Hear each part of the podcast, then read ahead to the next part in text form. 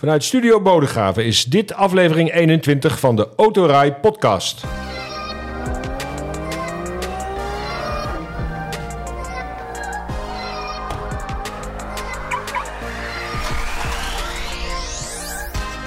De Autorij podcast is dé talkshow over auto's. Autonieuws, actualiteit, alles over auto's en mobiliteit direct of indirect verbonden met auto's. Deze week als eh, gasten aan tafel. Nou ja, gasten eigenlijk niet. Het is een, eh, is een gast die hier altijd zit. Niall van Leeuwen, redacteur van eh autorij.nl.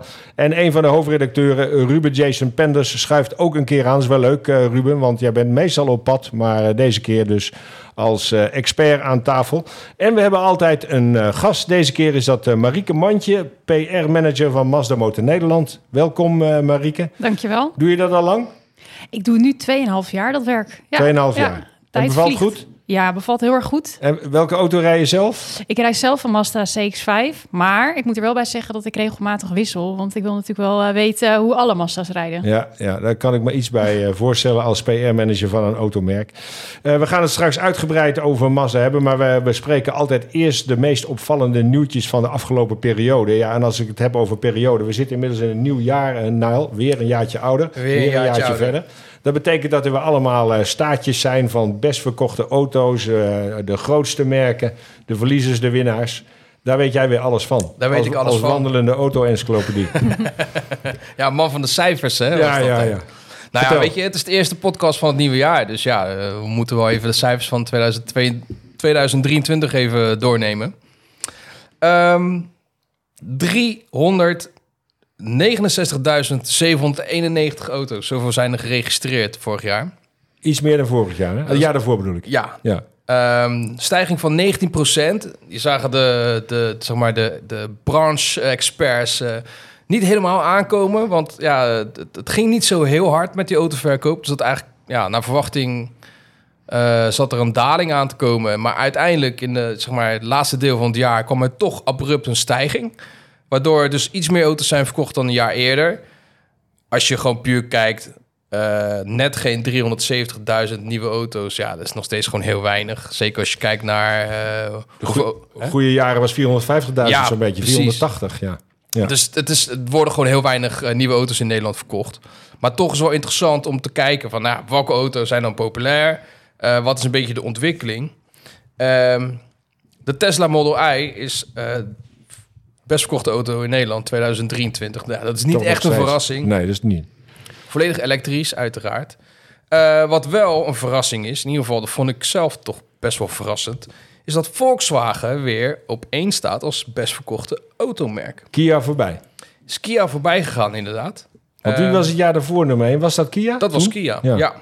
Uiteindelijk is het eh, Volkswagen gelukt om toch nummer 1 te worden.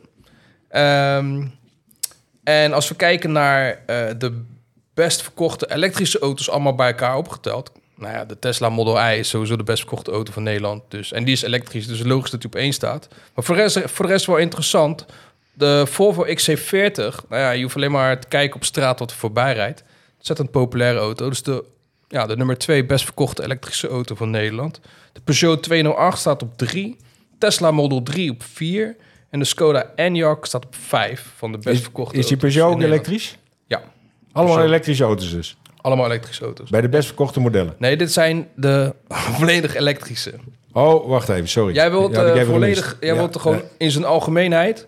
Staat de Kia Picanto op 2, Peugeot 208 op 3, Volvo XC40 op 4 en de Kia Niro op 5.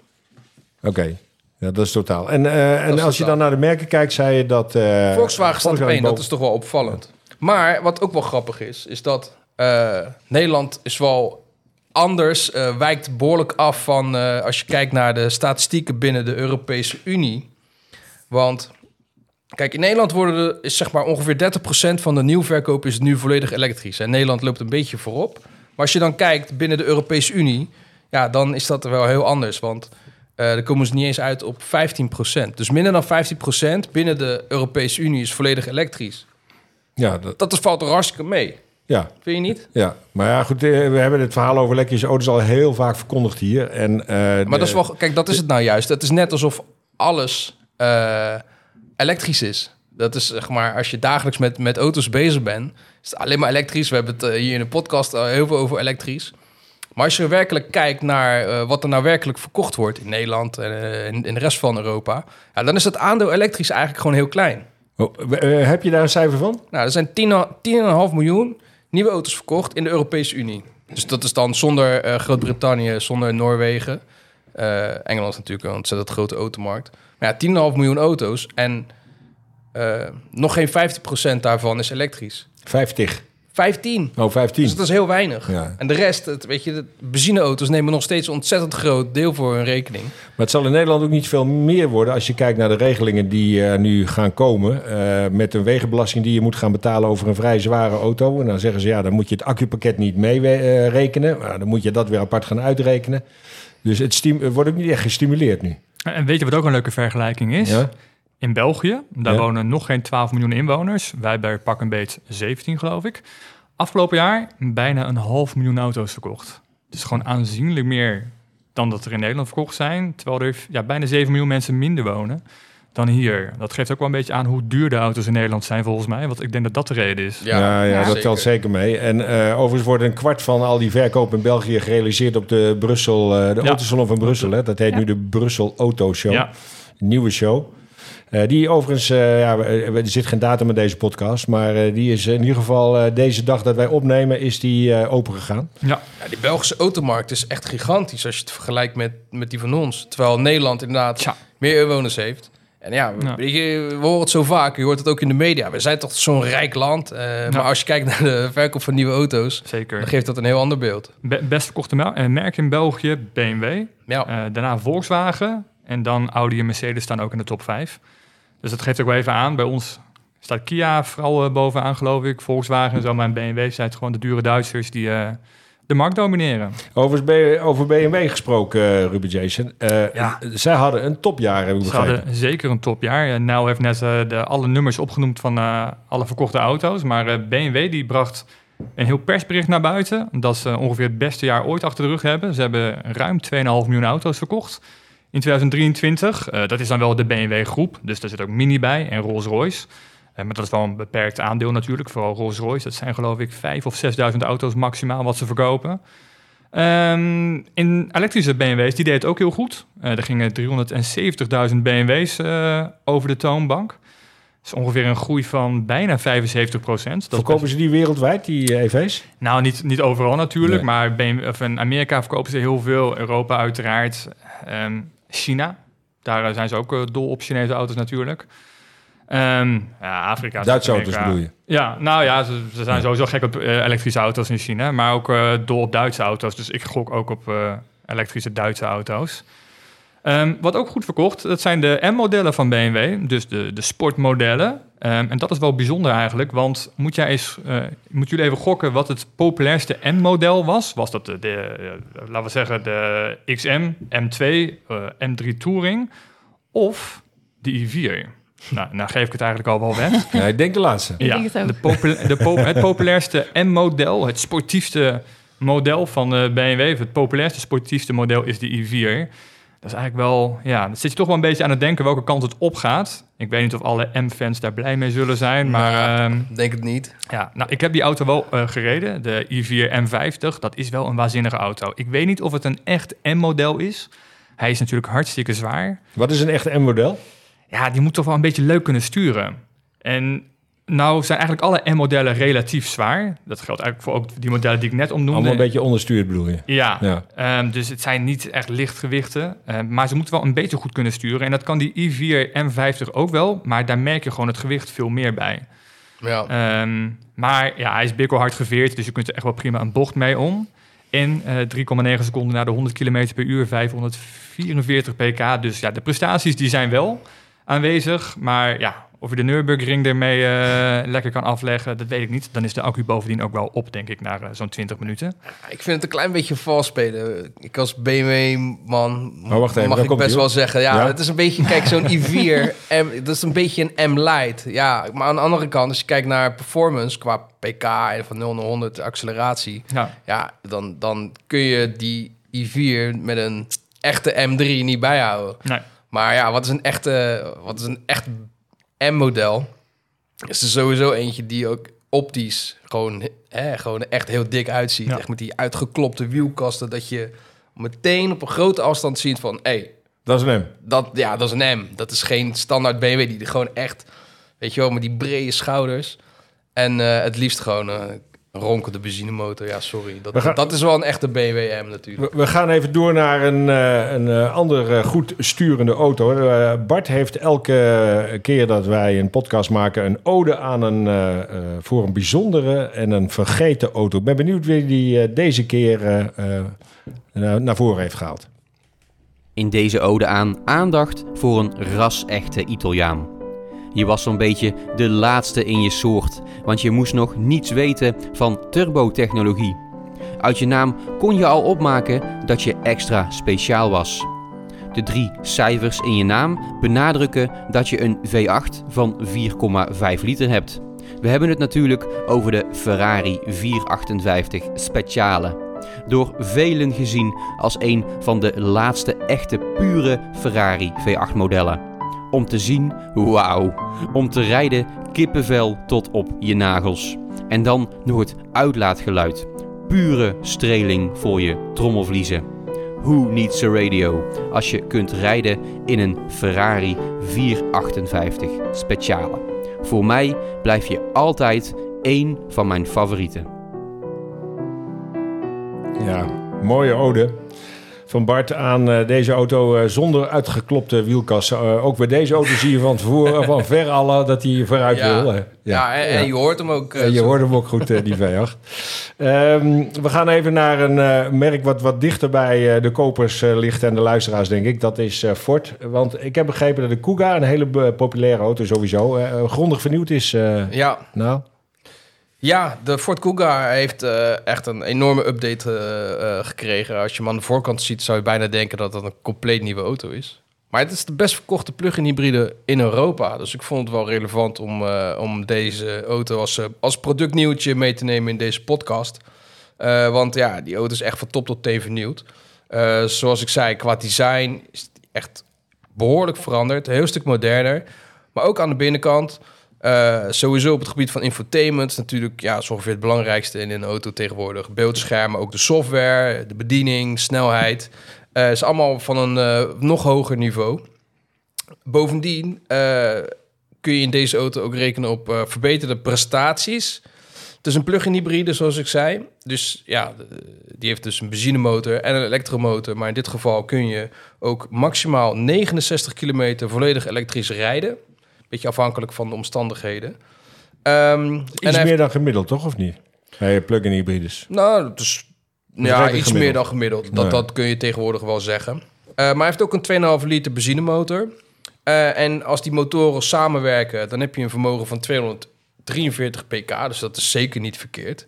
Eh, maar wat een grote rol speelt ook bij deze auto. ehm, hij biedt een trekvermogen tot 2100 kilo. En dat is ja, het hoogste in zijn eh, segment. Dat is veel, ja. Nederland is natuurlijk een, by far ook weer, een, of bij uitstek, een caravanland.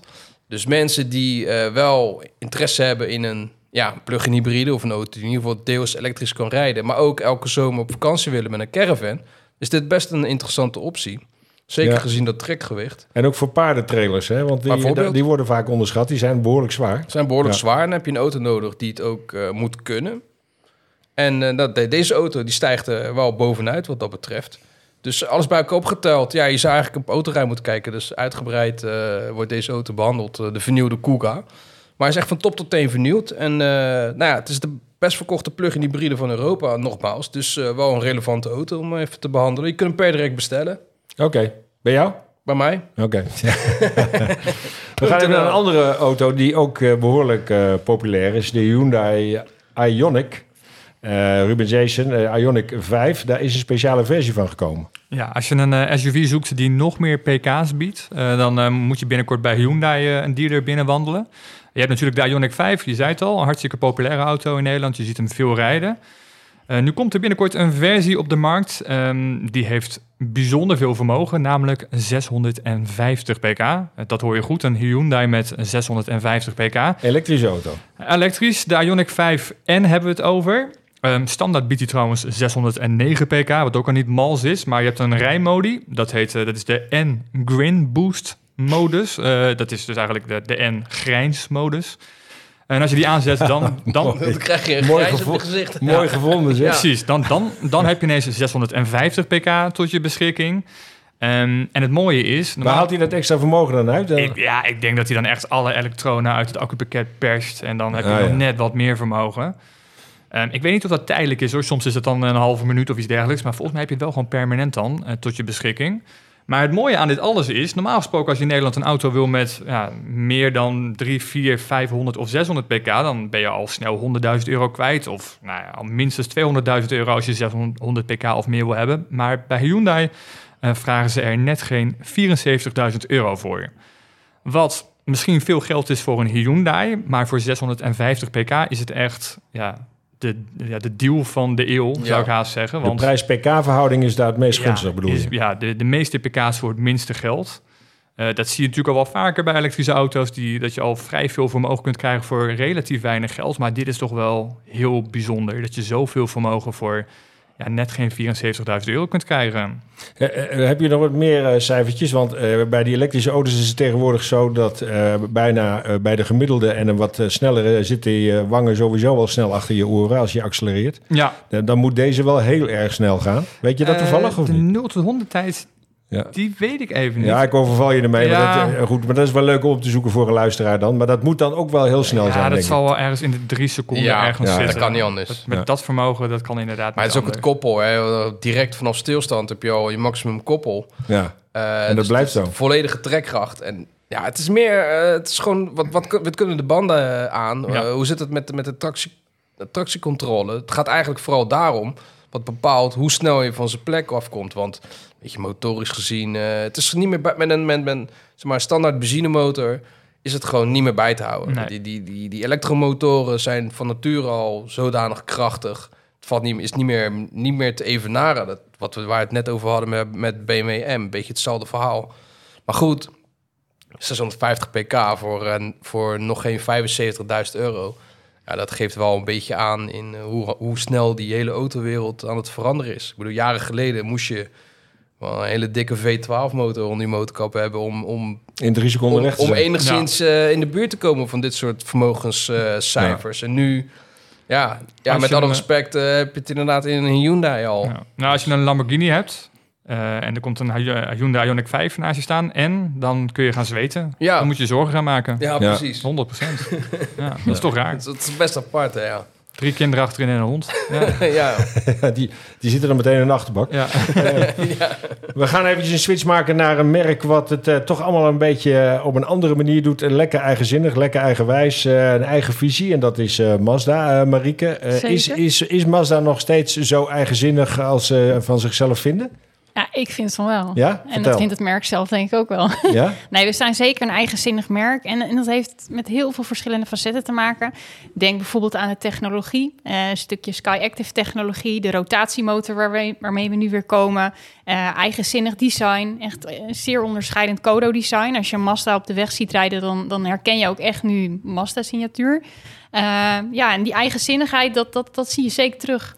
En we zijn een Japans bedrijf. En ook die Japanse touch, dat, dat zie je terug in de auto.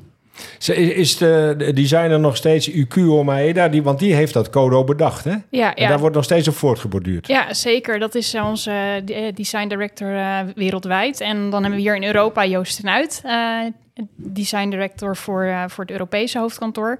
Ja, en die, dat Codo-design, die specifieke grill, eh, die beweging, eh, die ziel van beweging die echt in, in, het, in het voertuig zit, dat zie je duidelijk terug, zeker. En eh, wordt dat nog eh, bepaald door het hoofdkantoor in Japan? Of mag Europa daar ook zijn eigen draai aan geven? Zoals eh, Joost Steenuit, of ja, hoe je maar Steenuit, onze Belgische designer. Mag die daar een eigen draai aan geven? Ja, zeker. Dat is een hele goede synergie tussen de, de verschillende designcentra wereldwijd.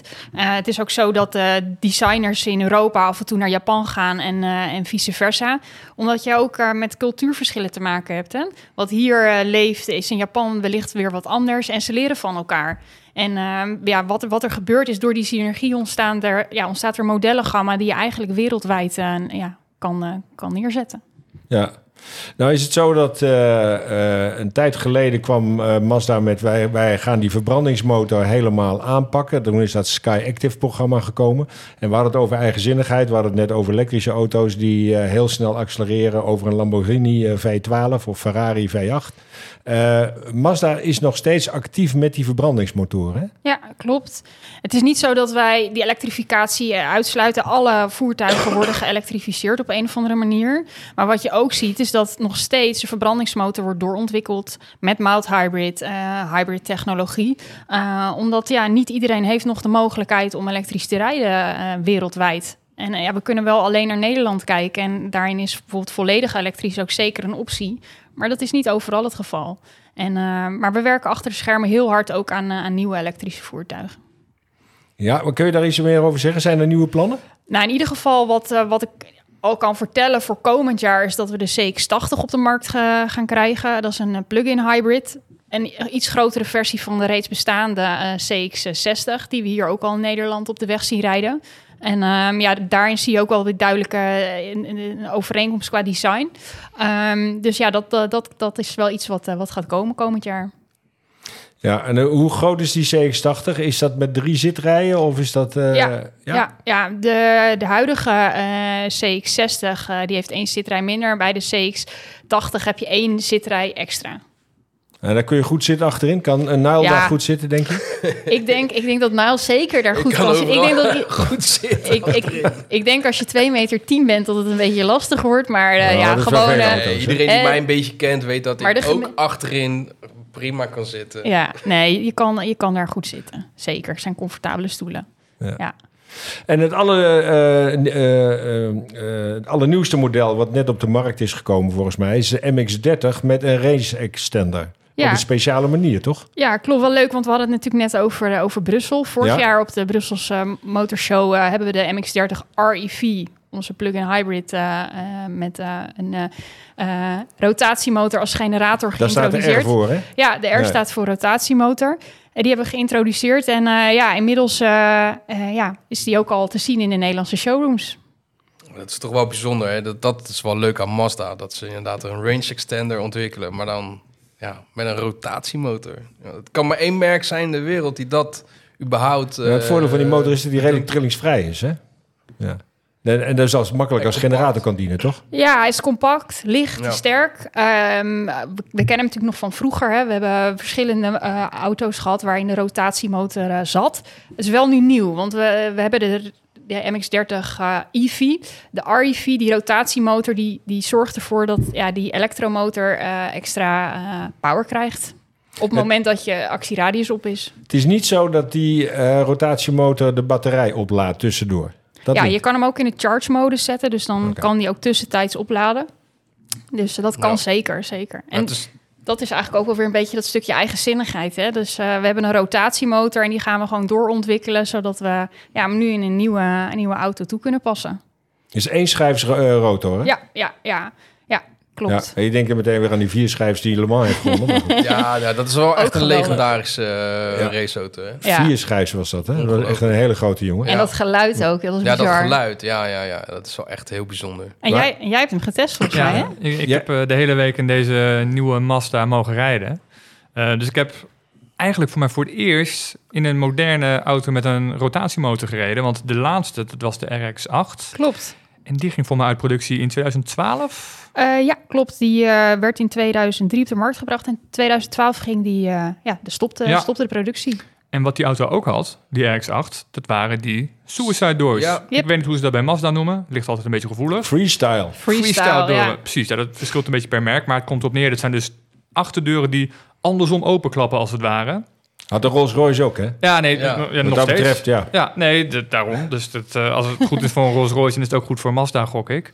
Ehm, en daardoor ziet die auto er ook heel bijzonder uit, die MX-30 REV en ook natuurlijk de EV-versie. Ehm, dus daar, ik vind het eigenlijk de meest originele auto die je op dit moment kunt kopen. Niet alleen vanwege de aandrijflijn, maar ook vanwege die deuren natuurlijk. Eh, bovendien ook vanwege de achterlichten. Want als je op het internet kijkt en je zoekt naar de achterlichten van de Mazda, dan kom je bij een hele hoop memes uit. Zeg maar van die grappige foto's. Omdat die achterlichten worden vergeleken met de achterlichten van een Ferrari.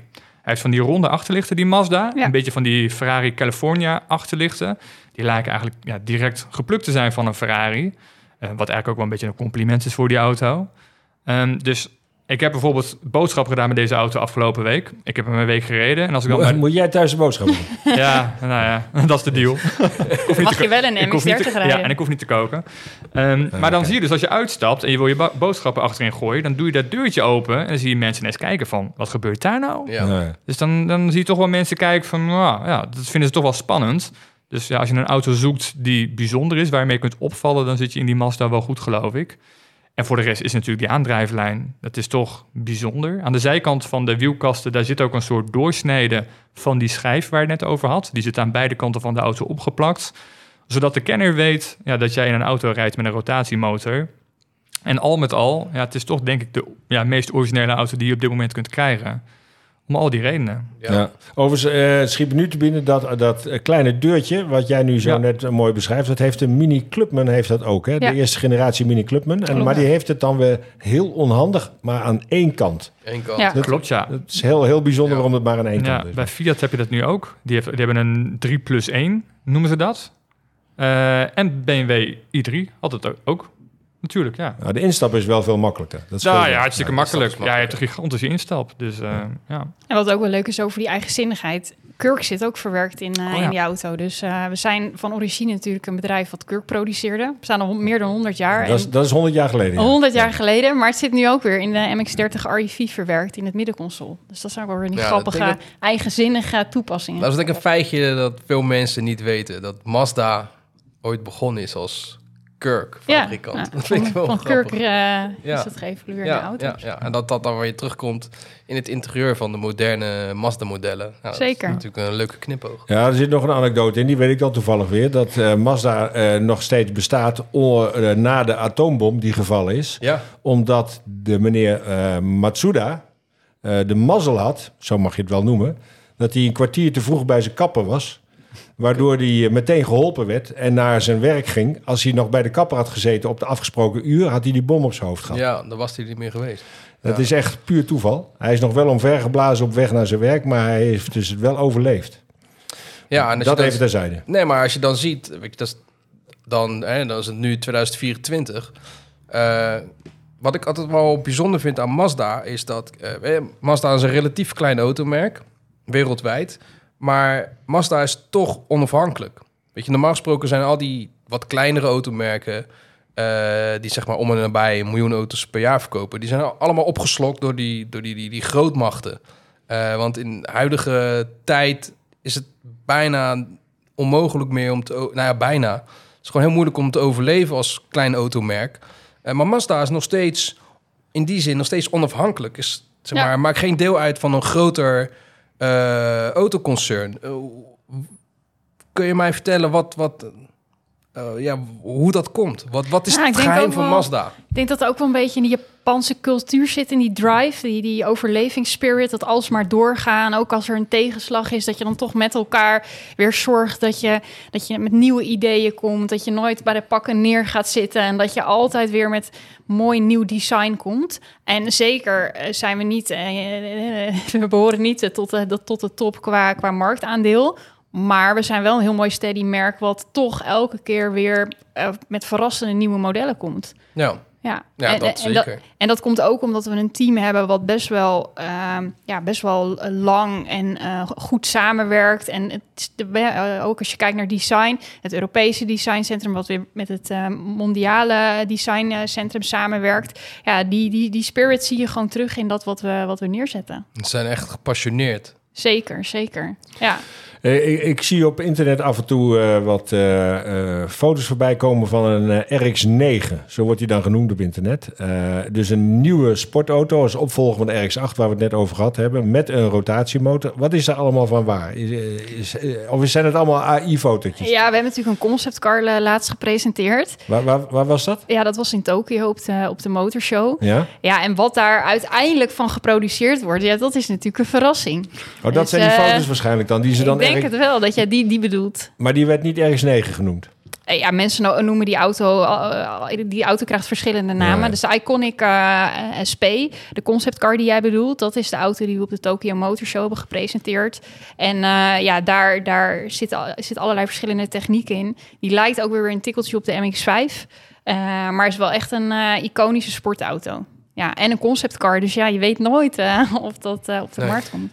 Ja, maar het zijn altijd wel hele reali- realistische conceptcars. Dus eh, wat dat betreft zou je hem zo, zo kunnen fabriceren. Nou ja, ik denk dat het eh, eh, echt een prachtige auto is om in te rijden. Maar ja, of die geproduceerd wordt, dat, dat kan ik niet Ja, maar dat is wel mooi, hè? want vaak is het namelijk tegenovergestelde. Er wordt een bloedmooie conceptcar gepresenteerd... waar iedereen laaiend enthousiast over is. En dan gaat die auto eenmaal in productie... en dan is het toch wel een beetje een soort tegenvaller. Dat gebeurt gewoon heel vaak. Want dat, dat, dat- ja, het is niet meer zo gelikt als, als dat conceptmodel. Ja, en ik kan me herinneren, met de huidige Mazda 3...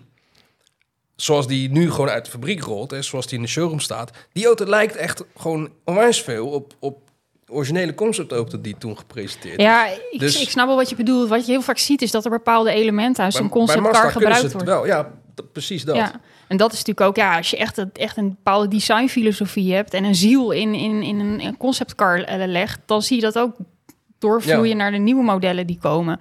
Dus ja, dan wordt die auto misschien niet één op één eh, gefabriceerd, maar je ziet wel degelijk iets terugkomen van die conceptcar. Precies. Nou, natuurlijk kun je, je kunt zo'n conceptcar nooit één op één productie nemen, want eh, je hebt natuurlijk te maken met zoveel verschillende facetten, ook veiligheid en productiekosten en eh, ik bedoel, designer.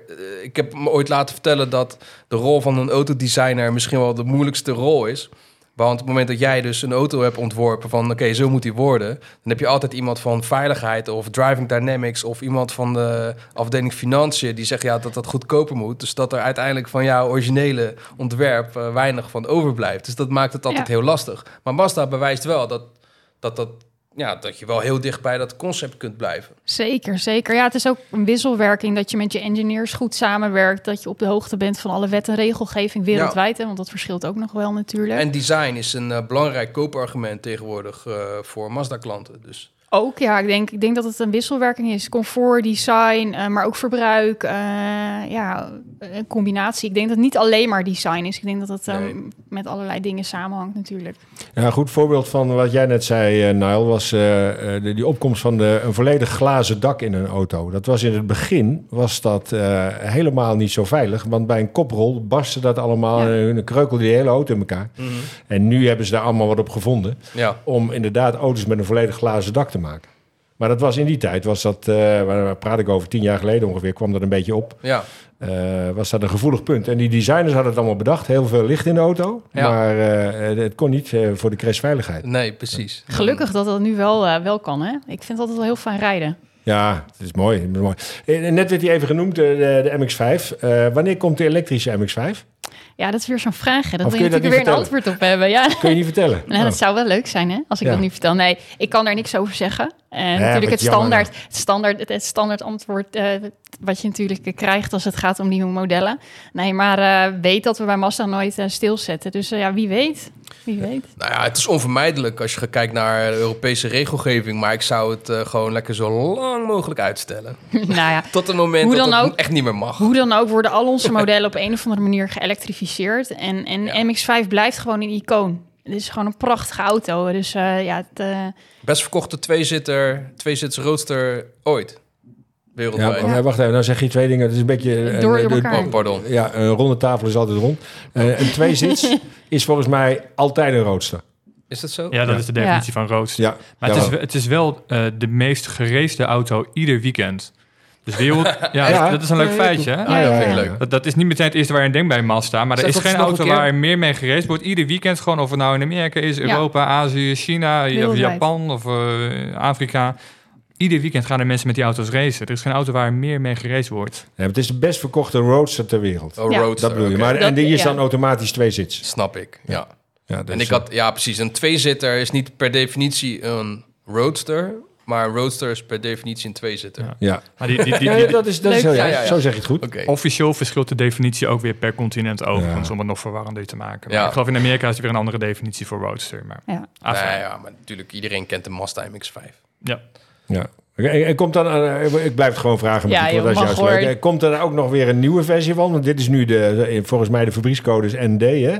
Dit is de vierde generatie. Komt er nog weer een, eh, een vijfde generatie, nieuw design? Ja, je nieuwe- daagt me wel uit hoor, Jur. Ja, ja. Maar eh, nee, ook maar dat dat kan je luisteraars allemaal weten. Wat wel zo is, is dat veel Mazda's krijgen natuurlijk een modeljaar-update. Dus dat er elk jaar net weer even wat anders... of net weer iets kleins aan het design wordt aangepast of aan de techniek.